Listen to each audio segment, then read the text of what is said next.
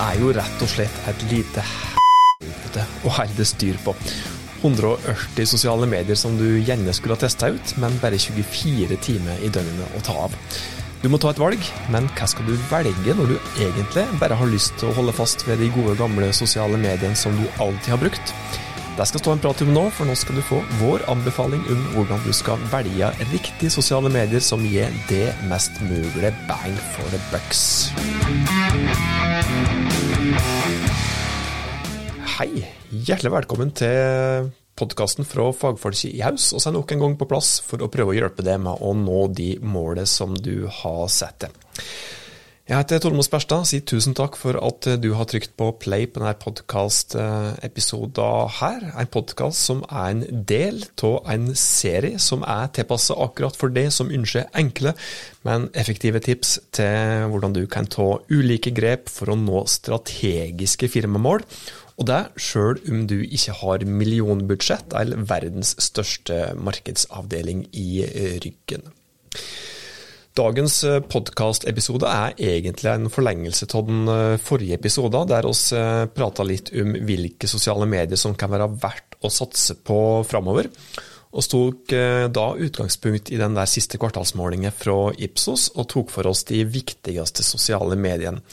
Så hvis du ikke har hørt på den episoden der, så anbefaler jeg at du spoler tilbake til episode nummer 118 for å høre på ja, høre oss prate litt om de nyeste trendene, da, hva som nå er utviklingstrekket, i hvert fall i Norge, når det gjelder sosiale medier. Det er jo ekstremt viktig å bruke tida og pengene våre fornuftig. Det er ingen som liker å kaste bort uh, verken tid eller penger. Og hvis uh, du er som meg, så har du da ikke ubegrensa med noen av de delene her.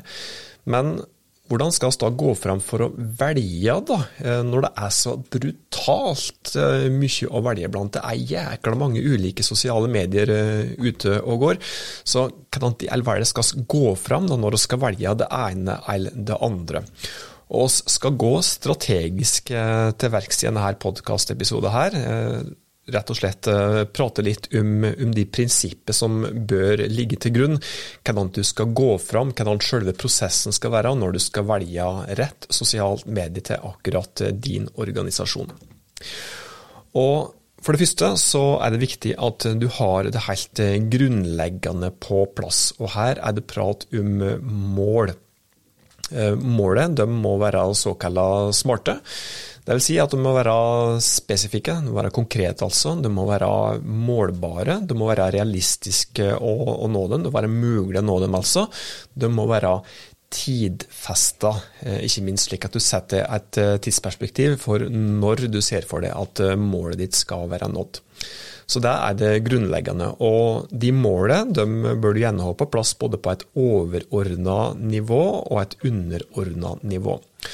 Og så kan vi se på et lite eksempel på det. F.eks. så kan vi jo tenke oss at du har et uh, eh, overordna mål i organisasjonen din om at, uh, at bedrifter skal øke omsetningen i det norske markedet med, med 35% før den 31.12. i 2028 f.eks.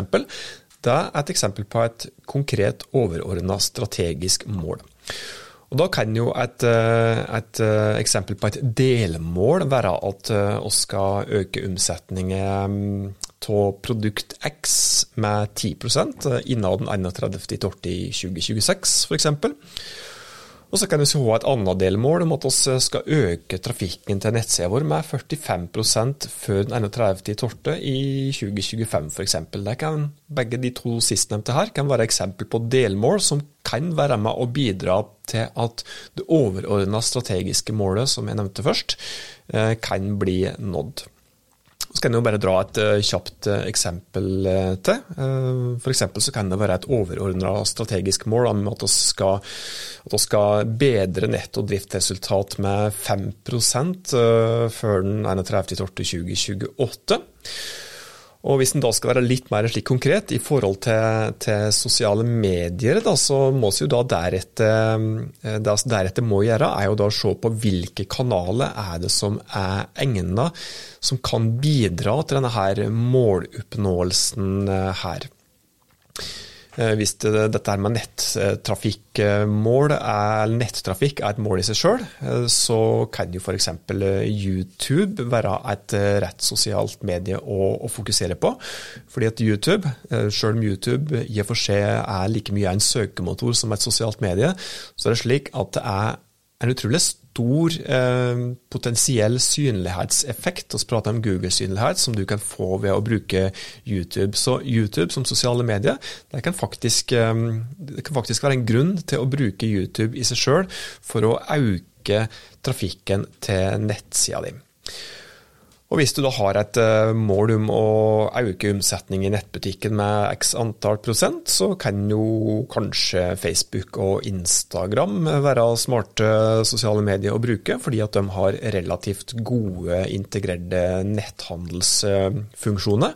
Men kanskje òg TikTok, fordi at TikTok kan være en god annonseringskanal, fordi du kanskje òg kan bruke influencers der, da, som eh, og kan, kan, kan bidra til å øke omsetningen i, i, nettbutikken din.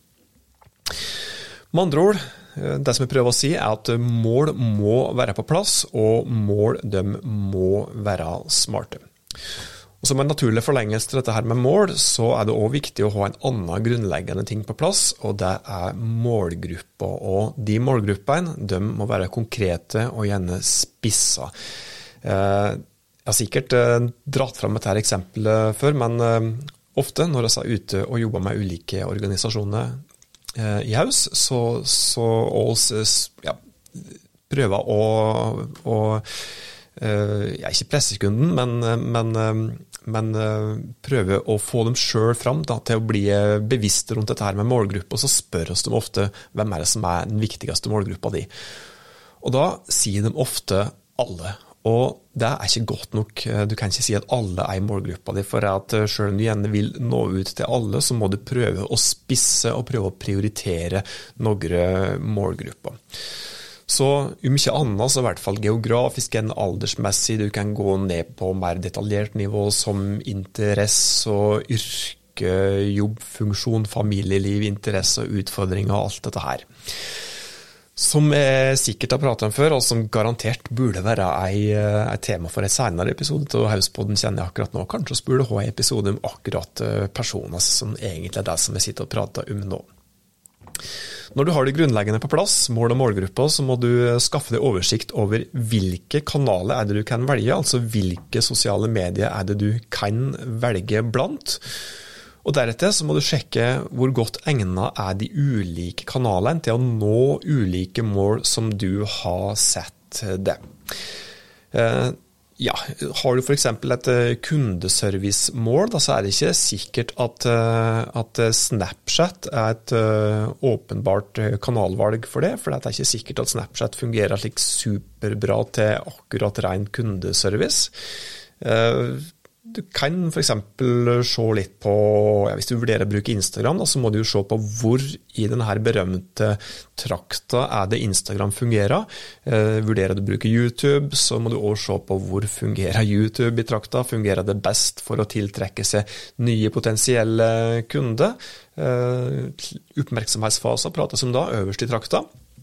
Eller er det kanskje andre deler av trakta som det fungerer? Og det er jo da f.eks. ikke alle sosiale medier som er, like godt egnet til å lenke eksternt, f.eks. til nettbutikken din.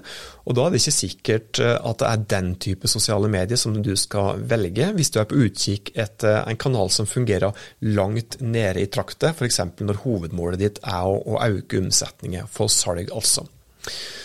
Så er det da enkelte kanaler, enkelte sosiale medier som kan fungere veldig bra for å bygge såkalt organisk synlighet på nett. Organisk eh, synlighet er samme som gratis synlighet eh, i søkemotorer, som f.eks. YouTube, som vi har nevnt nå. Det er enkelte sosiale medier som er bedre egnet enn andre når det gjelder dette her å drive engasjement, hvis det er et eh, mål for det. Og det er enkelte kanaler som er veldig godt egnet til å få oppmerksomhet fra nye potensielle kunder f.eks. TikTok er deler av andre sosiale medier, som f.eks. reels på Instagram. Det er to stykk som fungerer ganske så bra hvis du gjør det rett, øverst i traktet, når målet ditt er å få oppmerksomhet fra nye potensielle kunder. Du må òg sjekke i hvilken grad målgruppa di er i de ulike kanalene. Sjekk eh, de siste tallene fra Ipsos f.eks., som gjør jevnlige målinger, kvartalsmålinger på bruk av sosiale medier i Norge. Men det som er viktig når du ser på den type statistikk, er at du ser tallet over tid, at du ikke bare ser på den nyeste målingen. Eh, se på de siste, eh, siste ja, igjen minst et år over tid, og så kan du følge litt mer på utviklingstrekk der, før du eh, tar dette her med i betraktningen når du da skal se på målgruppa de bruker den kanalen eller ikke, om de er på vei inn eller om de er på vei ut fra f.eks. Facebook. Ja, hvis du f.eks. da har eh, kvinner da, som, eh, som ei superviktig målgruppe, så kan du da sjekke hvilke sosiale medier er det som har flest kvinnelige brukere, men der òg sjekk utviklingen over tid. Hvis målgruppa di er folk over 60, så kan du sjekke brukersammensetninger der òg, ved hjelp av f.eks. Ipsos sine kvartalsmålinger, men igjen, sjekk utviklingen over tid.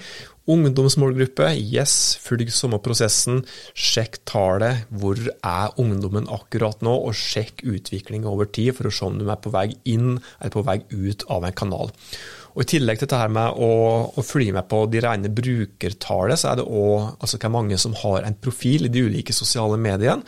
Så er det òg viktig å se litt på, på bruksmønsteret, se hvordan målgruppa de faktisk bruker kanalen.